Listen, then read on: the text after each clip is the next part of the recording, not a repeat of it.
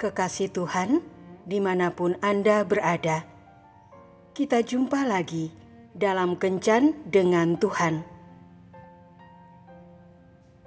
Edisi Selasa 23 Mei 2023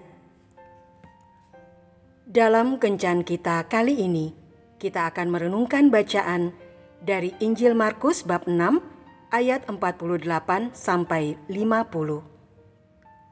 Ketika ia melihat betapa payahnya mereka mendayung karena angin skal,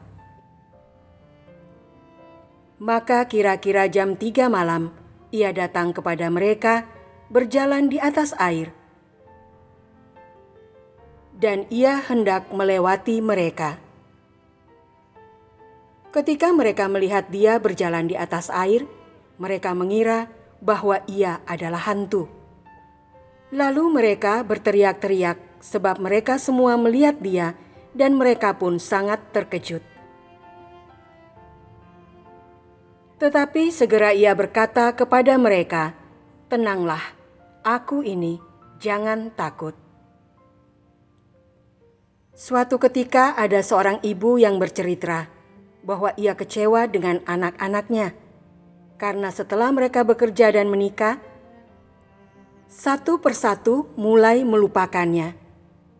Mereka pindah keluar kota dan sulit untuk dihubungi. Ibu tersebut sampai putus asa dan ingin bunuh diri.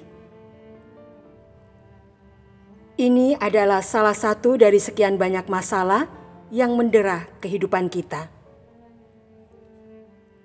Keputusan tanpa harapan juga merasuk dalam diri pengikut Yesus. Namun hari ini ada kabar gembira yang mau disampaikan bahwa Yesus senantiasa memandang dan melihat kita. Ia tidak pernah meninggalkan kita sendirian dalam pergumulan dan permasalahan hidup kita.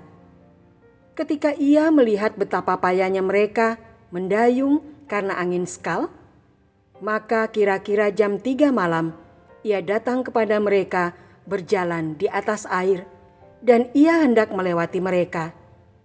Injil Markus bab 6 ayat 48 Ketika kita memutuskan untuk menjadikan Yesus sebagai Tuhan dan Juru Selamat kita, maka ia akan mencukupi kebutuhan kita dan senantiasa memberi kekuatan dan jalan keluar bagi persoalan hidup kita. Karena sesungguhnya tangan Tuhan tidak kurang panjang untuk menyelamatkan, dan pendengarannya tidak kurang tajam untuk mendengar. Yesaya bab 59 ayat 1 Kalau saat ini kita mempunyai pergumulan hidup yang berat, datanglah padanya. Sesungguhnya matanya saat ini sedang memandang kita. Serahkanlah pergumulan kita maka ia akan turun tangan untuk membantu. Perkataannya, "Tenanglah, aku ini, jangan takut." Juga ditujukan kepada kita. Tuhan Yesus memberkati. Marilah berdoa. Tuhan Yesus, terima kasih karena aku tahu Engkau selalu ada untukku. Ketika aku menjadikan Engkau sebagai Tuhan dan Juru Selamatku. Maka tidak ada lagi keraguan di hatiku untuk mempercayakan hidupku padamu. Aku percaya bersama engkau semua akan baik-baik saja.